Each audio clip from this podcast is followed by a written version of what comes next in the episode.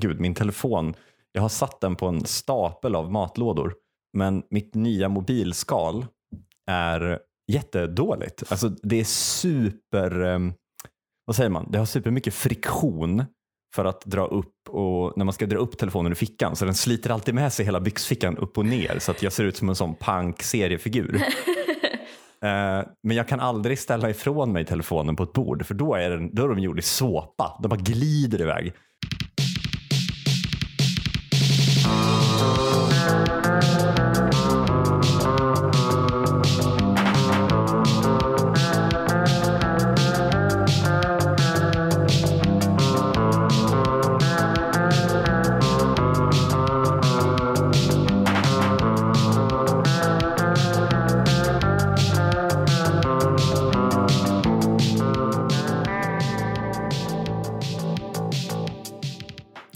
Väldigt tajta byxor Jaha. så att jag kan inte ta några brösttoner idag. jag kommer att prata som Paris Hilton kanske. Men, för, för, men jag trodde du var så här down with the kids och, och hade stora byxor. Ja, men när man köper byxor så blir man så får man BDD. Alltså body dysmorphia. BDSM. B- man får BDSM direkt. Men så är det, så tycker jag att det blir alltid när man... eh, För nu har jag lagt kanske fyra dagar på att leta jeans. Och då eh, till slut så eh, förlorar man all uppfattning om vad jeans överhuvudtaget är, hur ens kropp ser ut, vad man passar i. Så jag, nu har jag köpt ett par jeans som är alldeles för långa och alldeles för tajta. Men kommer inte de töja ut sig då? Det kommer inte bli bra. Eller så får jag bara utveckla riktig BDD och gå ner i vikt så att jag kan få på med dem. Men, men alltså, jag tänkte att jag trodde att du bara handlade på typ Koss och typ Arket. För de, Ja. alltså sådana butiker som bara har, alltså Koss har ju, jag vet inte hur det är på damavdelningen, men på herravdelningen så har de ju bara alltså, eh, en byxmodell som heter Pants. Och sen så Ja. är den bara i olika storlekar och sen så kan du välja om du vill ha den som jeans eller kostymbyxa. Eh, och är det efter oktober så säljer de den som kallas för winter pants. Då är det dubbla tyglager. Och sen Ja. eh, framåt typ april, mars möjligtvis, så byter de till pants. Jag har ju också bara tajta byxor. Men fick förklarat för mig av Linnea att jag behöver vara lite down with the kids. Så jag gick och köpte mig ett par stora byxor. Det var jätteenkelt. Jag bara gick in på Koss och gick till byxorna där det fanns en byxa. Tog Ja. min storlek ja. och, och gick ut. Sen har jag ju kvar alla mina tajta byxor. Men de har jag ju nu bara hemma som mjukisbyxor när jag vill känna mig extra bekväm. Så jag så snortajta stuprörsjeans. Så fort jag ska gå ut in public tar jag på mig ett par smutsiga Adidas-tröjor och en Glock som jag har. Nej jag skojar. Men det tycker jag är underbart att eh, kapitalismen äntligen efter 80-60 år eller vad det kan vara har verkt fram samma klädstil som kommunismen gjorde. Det är liksom eh, samma resultat, bara mycket långsammare. Det är det man får i en marknadsekonomi. Men det är väl bara att man har lagt ut det på entreprenad. Att man, man privatis- de, liksom, när vi slutade vara DDR-Sverige så hade vi en upphandling. Vem ska leverera byxor? Och då kom Stefan Persson och bara, vi kan leverera byxor till lägst pris. Då vann de den upphandlingen och nu har vi Koss som säljer ett par byxor. Ja. Modet av- sammanfaller förvånansvärt ofta med antingen så kallade kommunistkläder, någon slags uniform eller trälkläder. Att man har som eh, ett huckle, någon form av trä-flipflops. Det, det glädjer mig ändå att, liksom nu, att överklassstilen nu ändå har liksom, vad ska man säga, stabiliserats i någon slags brittisk hästgårdsbesökare. Ja, men det är härligt. Alltså, det är ju roligare det än att, att de har så kravatt. Jag förstår inte att de mysigare någonsin typ av- kunde tröttna på godsherrestilen faktiskt. Men det är ju kul att det blir lite kalanka rik av det. Men jag tror det kan ha att göra med kopplingen till liksom land och mark. Alltså för att om du tittar på, om du tittar på liksom rikedom förr, alltså förr förr, typ feodal förr, så fanns det ju en koppling till liksom mark. Och sen har det eh, luckrats upp mer och mer och det måste väl ha varit på någon slags all time low 1980, 1990 där du hade kläder som i princip inte skulle överleva utanför tunnelbana eller taxi. Eller, alltså de, de funkar inte utomhus överhuvudtaget. Men det gör ingenting för du är aldrig utomhus. Mm. Men nu i och med alltså fastighetsboomen och kanske det, alltså i mångt och mycket den uppluckrade svenska fastighetsskatten eller borttagna svenska fastighetsskatten. Eh, bristen på ränta och överflödet av kapital som behöver stoppas i någon form av liksom investeringsprodukter för att inte minska av inflationen. Eh, då har ju fastigheter och mark och framförallt med stigande markpriser seglat upp som ett sätt att vara rik igen. Och därav kommer också då stilen kläder som tål lite lera. Typ. Jag såg igår att eh, Ulf Kristersson och Ebba Busch var ute och jagade tillsammans i varsin barbourjacka. Oh. Mysigt. Ja, min kompis Knut, känd från podden, mm. eh, sa att det var mm, misstänkt knullig stämning mm -hmm. mellan dem. Jag tänker att eh, de inte har sex alls. Alltså, äh, äh, Ulf Kristersson för att han, jag vet inte om du har, du, du har ju sett hans fru. Um, Ja. Alltså ingen pik mot henne. Nu menar jag inte så att han inte har sex för att han har så ful fru. Utan, nej, men det bara, ja, nej men det bara känns som att de har alltså mer ett, så, ett funktionell relation. Mm, mm. De har inga kön. Nej men exakt. Det, det, alltså, någonstans har de ju fått barn ifrån. Men, men ehm, de kanske har adopterat barn. Det har de väl? Ja det har de nog faktiskt. Ja. Ja, eh, så men, men sen... ful är Ulf Kristerssons fru.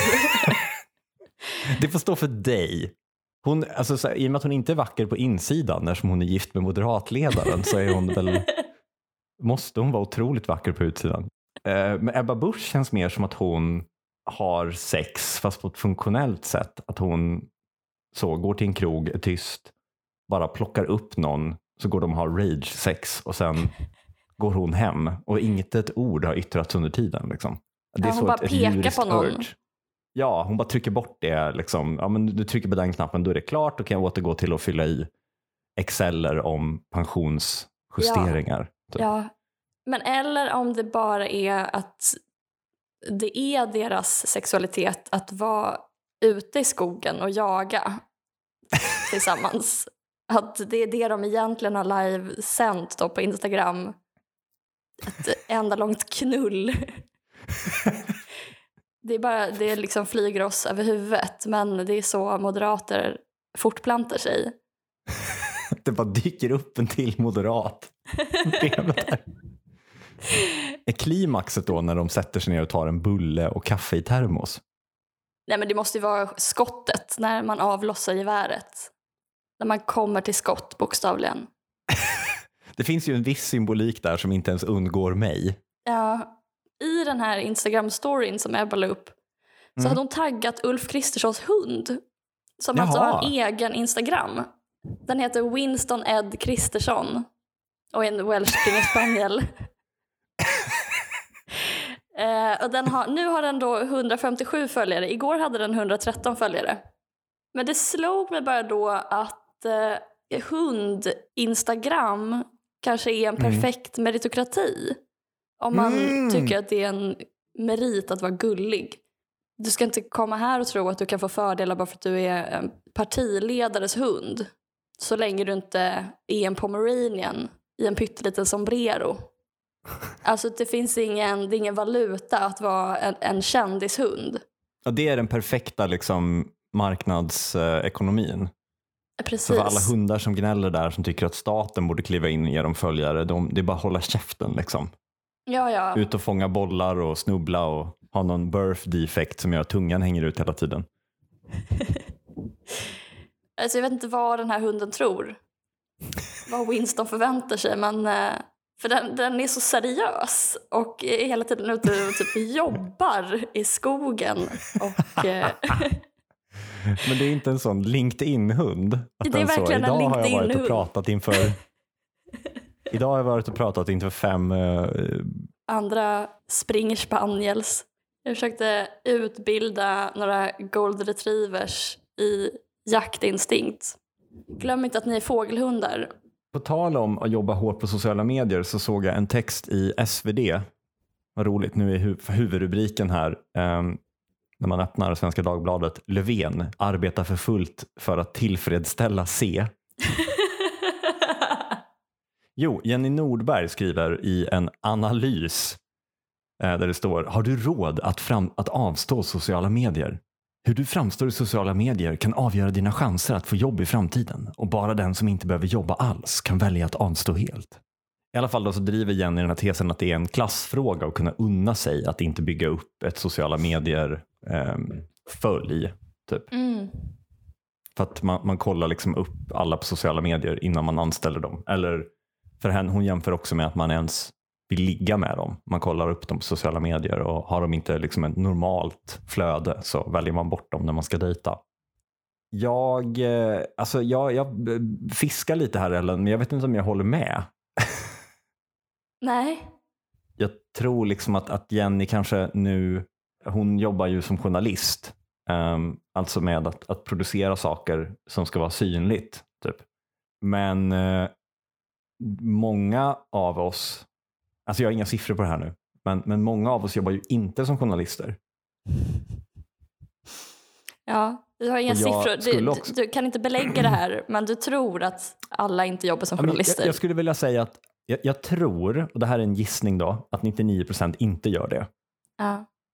Jag tror också, ehm, jag vet inte om det här går ihop heller, det här har jag inte heller några siffror på, men jag gissar att väldigt många inte heller är kommunikatörer eller kommunikationschefer Ja. eller eh, brand evangelists på Klarna. Det tror jag inte heller folk är. Jag vet inte, alltså jag, jag har ingen, som sagt, jag har Nej. ingen, man får kolla upp det här. Man får Ja. inte ta det här för Min sanning från magkänsla mig säger nu. tyvärr tvärtom, att alla är kommunikatörer på Klarna.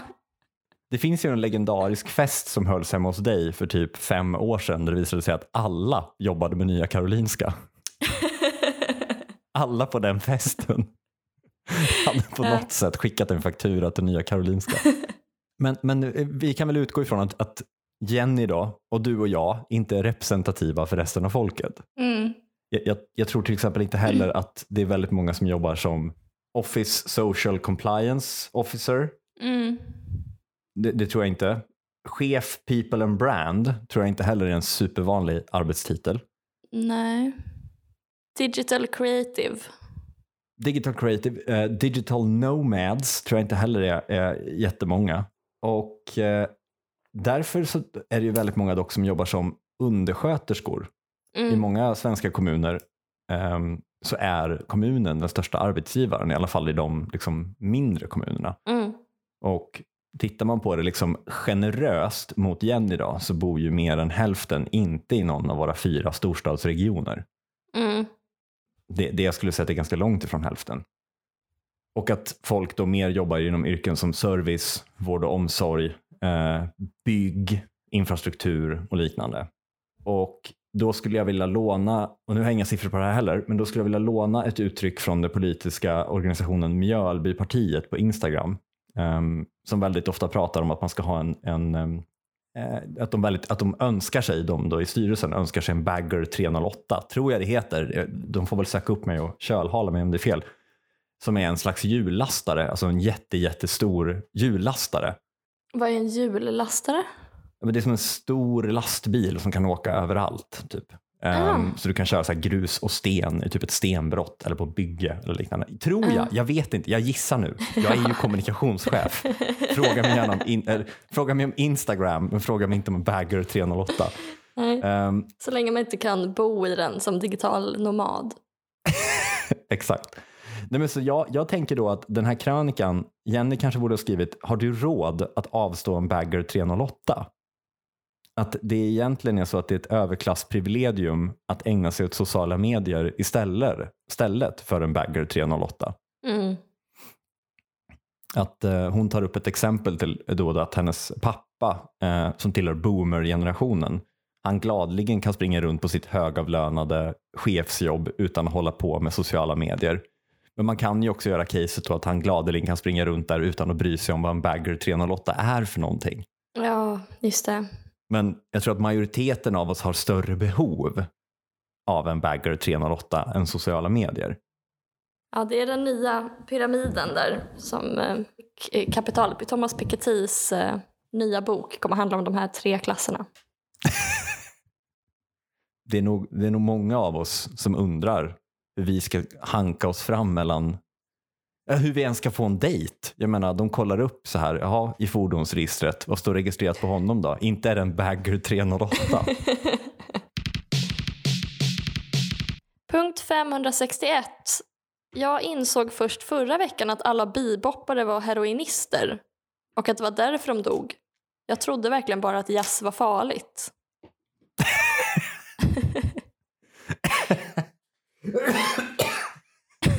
Riktigt så death by laughter-skratt. Uh, nej men det, det, det, det här är helt sant. Jag insåg det alldeles för sent. Ja, men Charlie Parker till exempel missbrukade heroin. Miles Davis, John Coltrane, Billie Holiday, Chet Baker, Art Blakey, Dexter Gordon, Stan Getz missbrukade då vid något, någon tidpunkt i sina liv. Och många dog ju då unga. Jag vet inte om det var därför eh, jazz ansågs vara farligt men det, det var väl av flera skäl som jazz ansågs vara farligt, antar jag. Eh, den amerikanska musikkritikern Carl B. Adams skrev till exempel 1925 att ett jazzband var en djävulsk apparat för framställningen av konstiga toner och avskyvärda disharmonier. En samling soniska fasor. I en eh, predikan från 1922 så var det en kyrkoherde i New York som sa att Jazz goes back to the African jungle and is one of the evils of today with its savage crash and bang. It is retrogression. Ja, men det finns en jazzpianist eh, som heter Jelly Roll Morton som har sagt att Mm. anything truly new puts a fear into the heart. Och, till, och eh, även och Miles Davis skriver i sin, sina memoarer att när han spelade med Coltrane The shit we were playing in a short time was scary. So scary that I used to pinch myself to see if I was really there. Det är också en effekt av att, eller det är ett mått på innovation eller eh, att det man gör är faktiskt radikalt och kontroversiellt och någonting helt nytt. Att det möter motstånd och skrämmer upp folk. Eh, och i New Orleans då så kom ju de här, många av de här jazzmusikerna från ett område som var känt som The Battlefield. Mm. Och det påminner ju om eh, gangsterrappen. Mm. Ja, Jag, jag har uppriktigt svårt att förstå hela debatten som har följt efter att Einar dog. Mm. Det liknar ju på något sätt den här uppfattningen som jag då fram till nyligen hade om jazz och som många eh, hade om jazz. Alltså att man blandar ihop den sociala verkligheten med musikstilen. Mm. Alltså det är, det är någon form av vidskepelse tycker jag. Att vara Absolut. idealist eller liberal på det sättet. Att man tror på något sätt att musiken kan hypnotisera en och förändra, ingripa i verkligheten och att det är musiken som skapar sociala problem. Jag ser nu alla de här liberalerna som schamaner typ. Jag hörde på Godmorgon världen i morse eh, Bulletins krönikör vars namn undslipper mig men det spelar väl ingen roll för att hon kommer säkert ha bytt jobb nästa vecka ändå. Ja, Caroline På- Ja, ja, ja.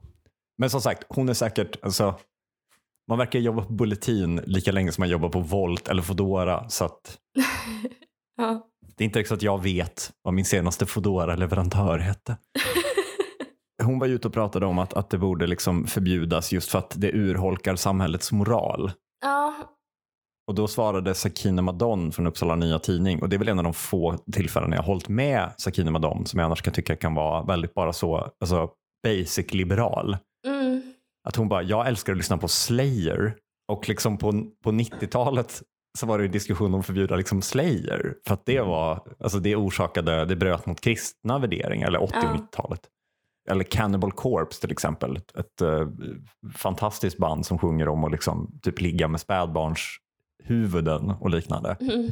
Och poängen är som du säger att man kan ju inte, det man egentligen vill göra är ju förbjuda fattiga människor. Ja, men precis. Om man utan att göra för ohedliga liksom, abrovinker kan anknyta något politiskt förslag till den fantastiska Dead Kennedys-låten, ett gammalt punkband, eh, Kill the Poor. Mm. Där, där sångaren i liksom ren extas sjunger att nu när vi har upptäckt atombomben kan vi inte bara släppa små atombomber på alla getton?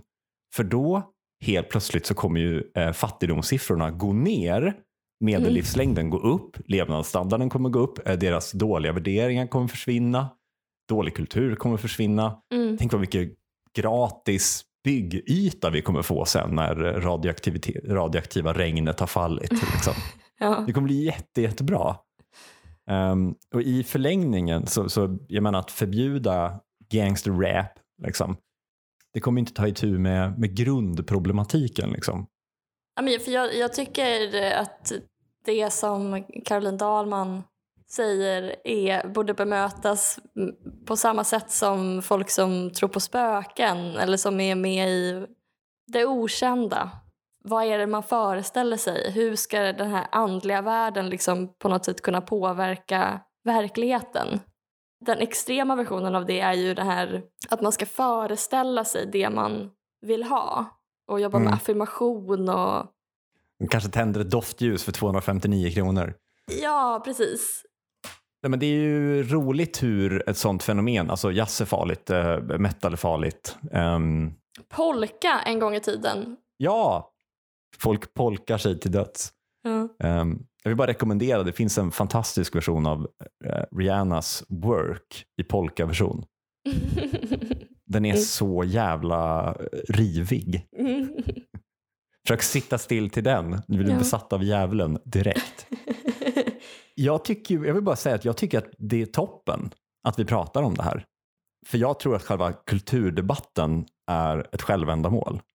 Tidigare har jag tagit upp i podden att jag tror att det är en, ett självändamål just för att det för kulturen framåt. Men jag tror också att den har ett, ett annat ändamål, Ellen, som jag skulle vilja presentera idag. Och Mm. det är att den, ger, den håller oss andra fri från att bry oss. Vi kan sitta och lyssna på katten i trakten medan några andra diskuterar om katten i det. trakten är kvinnofientlig eller inte. Vi har lagt ut det på entreprenad. Ja, det är faktiskt, eh, vi har effektiviserat det så att inte alla måste sitta vid sina köksbord och göra det arbetet. Ja, du tänker att det är som en, alltså det är en socialdemokratisk konstruktion. Ja, precis. Det var därför Tage Erlander instiftade DN Kultur. ja. Så det är lugnt hörni, ni kan lyssna på polka så kan staten avlöna några med tidningsstöd så att de kan bråka om det är dåligt eller inte. ja. Men eh, jag tror att det finns någon annan anledning till att folk vill ha den här typen av kulturdebatt hellre än att prata om kulturen och närstudera kulturen. Mm. det är mer tidskrävande kanske. Många av de här debattörerna, kanske Caroline Ringskog Ferrada-Noli, Victor Malm, Mm. Kristoffer Andersson, ditt ex man. För full transparens. ja. Eh, de efterfrågar någonting som de själva inte gör. Mm. Alltså om jag ska vara hård. Mm. Och vilket, återigen, i Godmorgon världen i morse, vår enda nyhetskanal, den här podden är bara liksom en enda lång svans, hatsvans till Godmorgon världen. Godmorgon världens eftersnack. ja. Ta ansvar för er hatsvans, Godmorgon världen. Nu sitter de och, nu sitter de och dissar Kristoffer Andersson igen. Nej men, eh, för då var det, jag tror att det var Ulrika Knutsson va, som faktiskt gjorde det som de här, som några eh, kulturjournalister har bett om, nämligen att läsa texterna Einars Mm. text. Mm, mm. Och eh, alltså det är det jag menar att det är lättare att prata om, om så vad, Mm. vad borde egentligen kulturjournalistiken ägna sig åt än att så här, katten i trakten har sju strofer och den är korsrimmad. Eh, den första strofen är som ett eh, religiöst eh, mantra som för tankarna till eh, munkar i Tibet. Men jag tycker att det är en annan fråga. Alltså det är mer en arbetsmarknadspolitisk fråga. Vadå då? Men kulturdebatten, alltså om vi, om vi tittar på, om vi bortser från alltså det, det kulturella syftet med kulturdebatten, så är ju syftet att erbjuda lågkvalificerade jobb till kulturpersonligheter mellan jobben. Ja, Det är ju bara Ulrika Knut, Knutsson här som har, vad ska man säga, hon har väl skapat någonstans högkvalitativ kulturkritik. För att jag håller verkligen med. Eh, hon pratade ju kort om um, unge med extra energi. mm. Eh, och jag håller och med om att det, det, vilken titel. Nej, men Det alltså, det, det, är, nej, men det är en otrolig titel. Ja, och det, det är är verkligen, alltså jag, jag som, alltså i och med att jag har växt upp i en familj med biologiska fosterbarn, jag Mm. kan, en, alltså så här, unge med extra energi sammanfattar ju liksom den upplevelsen, eller sätter känslor på och ord på den upplevelsen kring vad många av de barnen går igenom. Liksom. Och det, Mm. jag, jag tror att hon citerar väl typ och säger så här, men typ, alltså mamma jag önskar att jag mådde bättre. Liksom. Mm. Det är ju eh, fantastisk kulturkritik och, och som du säger, alltså en av de få seriösa som har gjort den. Alltså för de andra har ju sagt typ så här, ja men det, det är rätt att människor får säga det här eller det är inte rätt att människor säga det här. Mm. Men mängden Ellen, det är det som flyttar den här frågan till arbetsmarknadsdepartementet. Någon, Kristoffer Andersson måste betala sitt bolån på något sätt. Mm.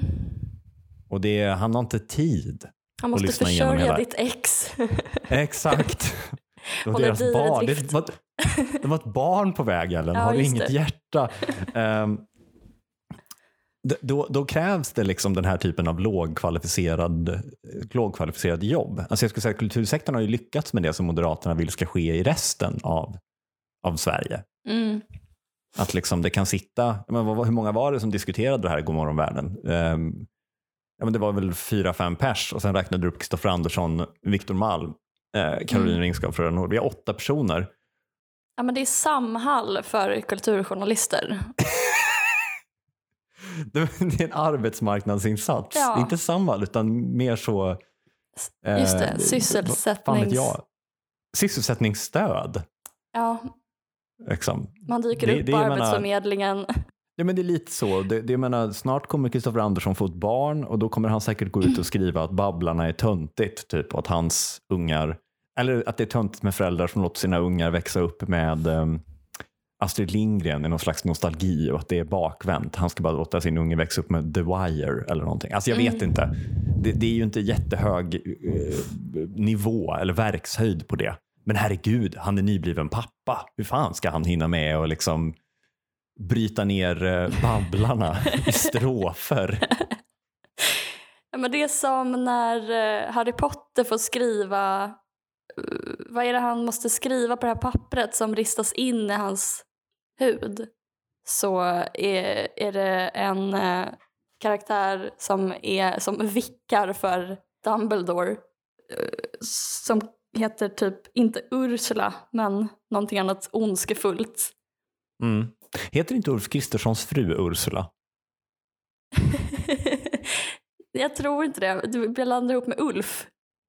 Dolores Umbridge tror jag hon heter. Har du läst Harry Potter? Nej. Ovanlig millennial. Jag har däremot läst alltså, MS-DOS-manualen i sin helhet. Du glömmer ju bort att jag är ett, ett yttert exempel på att, att evolutionen är satt ur spel för att jag får föröka mig. ja, sluta aldrig föröka dig. Då tvingar hon Harry Potter att skriva någon mening. Att så här, jag är en dum liten tönt eller något sånt där. Det är vad alla de här kulturjournalisterna måste göra på Arbetsförmedlingen varje vecka. Att de måste bara grej, producera enorma mängder såna här spaningar av den här karaktären. Ah, Men det är ju också, alltså, vadå? Det är ju också en fråga om eh, underhållningsproduktion. Alltså, om vi återgår till Kristoffer Andersson, eh, han skriver ju jätteroliga texter. Ja, gud, verkligen. Ja, men och Viktor Malm. Sen, sen är ju upplägget alltid X är töntigt på grund av eh, tre referenser till typ leninisters böcker. Mm. Det borde istället vara Y. Y Mm. är coolt som fan. Jag är från Stockholm, puss och kram. Alltså, Jag har en lugg som är konstigt kort. Hej då. så är det ju i 20, 24 eller Beck-filmerna också. Kommer Beck lösa det här? Kommer han få en hjärtinfarkt? Kanske, vi vet Mm. inte. Oj, det gick bra. Alltså, Mm, mm. det, det är ju underhållning. Absolut. Punkt 815. Jag förstår inte antisemitism. Varför just judar? Frågetecken. Mm. Jag skulle vilja börja med att säga att jag förstår antisemitism nu. Just för att jag förstått hur jobbiga judar När Nej, du har blivit äldre och visare och och antisemit. bara, Men gud, judarna styr ju allt. Ja. Så att, eh, det är klart vi ska vara sura på dem. Nej, men, eh, jag, jag har väl förstått den. Alltså, jag vet inte, jag har läst om detta må ni berätta. Men skit i det. Jag eh, tänkte hijacka den här punkten och göra den till eh, en av dina eh, berömda prator som, som Sally får slita sitt hår över. Som, nu kommer sirener i bakgrunden innan jag ens har sagt det. Eh, men är det så fel med lite antisemitism? Och då vill jag börja säga med att gud vad många sirener. Det är så jävla mycket sirener här nu. Är det Israel?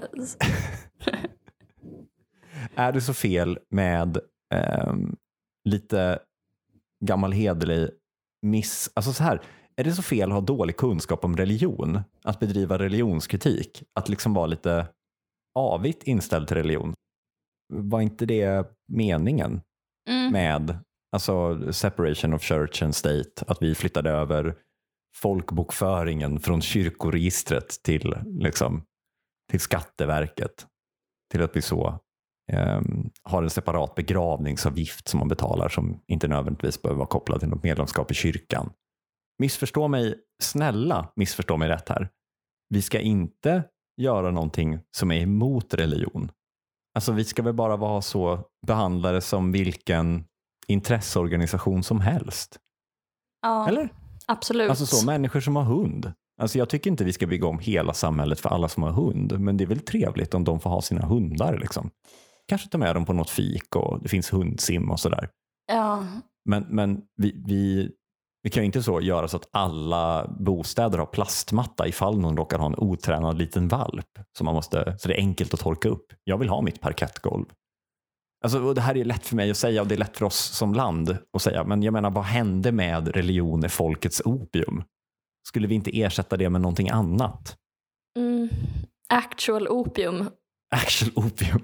Nej, men det, och, och, jag, jag förstår vad jag menar. Alltså, vi, vi behöver inte ha en aktivt aggressiv eller negativ inställning till religion. Men vi Ja, men eller inte så är det kanske inte heller är så farligt då. att Man får vara lite spy, säga något lite spydigt om judendomen. Man får väl säga något spydigt Man om... kanske kan alltså, få lite ha en att- liten ton. Man kan väl få ha en liten ton om det på samma sätt som folk som spelar paddel. För det här är väl den, den, den sjuka lilla grejen då med religion. Eh, och, och jag får nästan viska det här känner jag. Mm. Och bara, det känns som att vi har glömt det. Det är att Gud finns inte. Alltså den lilla detaljen. Att det, det är en, det är ju ett särintresse. Alltså precis som vad som, alltså PRO. Eller inte ens det, för PRO kan inte välja. De kan inte välja om de är gamla eller inte. Men, men så, Svenska Kennelklubben. Men det här tror jag är Den helt stora skillnaden är att okontroversiellt. hundar finns. Hundar finns. Eller Mm. vad sa du? Vi kommer bli cancelled när du säger så här sjuka saker. ja, men jag känner igen mig i, eh, jag är ju marxist.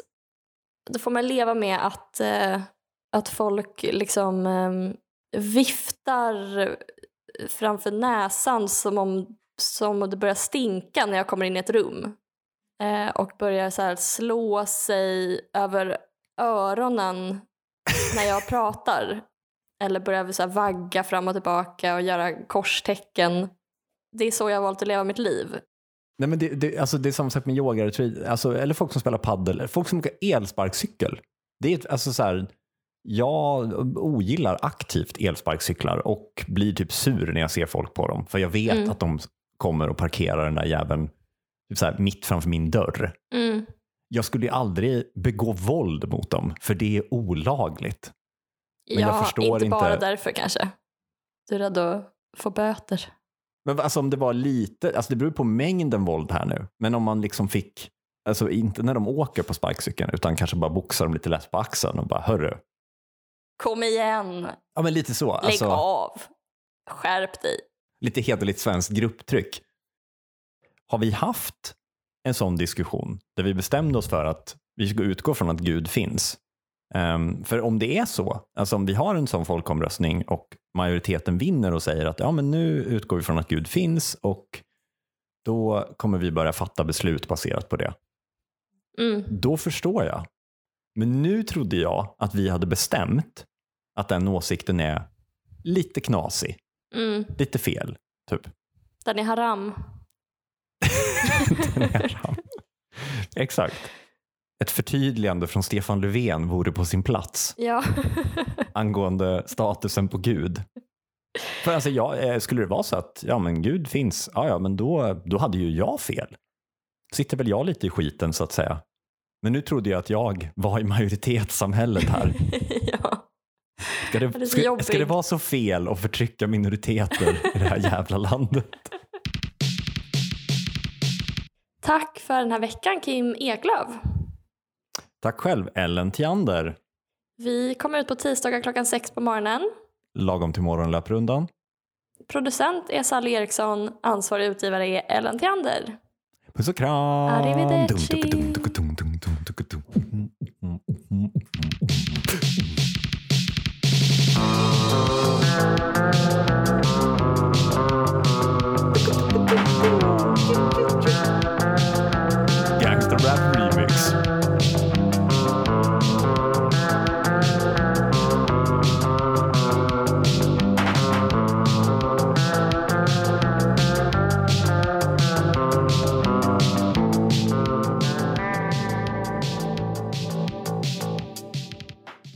Kanske det vi ska göra. Vi kanske bara ska byta namn på lärare till läxhjälp och Ja. eh, förskolepedagoger till nannies.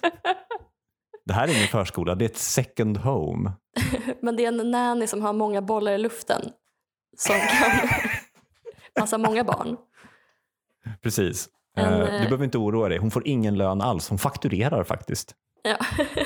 Vi kan göra så här, eller så fakturerar hon ett, ett, ett bolag eh, som i sin tur fakturerar, jag vet inte, alltså som en stor, du kan betala in lite pengar varje månad till en kassa Mm. som det här bolaget sen får pengar ifrån. Eh, bara en sjuk idé. Mm. Typ. Man går ihop flera föräldrar liksom och lägger pengar i en, i en hög. Man kan se det som aktieägare, Det är bara att vi får utdelning i form av, ehm, smarta barn. vi kan bara börja kalla alla samhällstjänster för utdelning. Ja,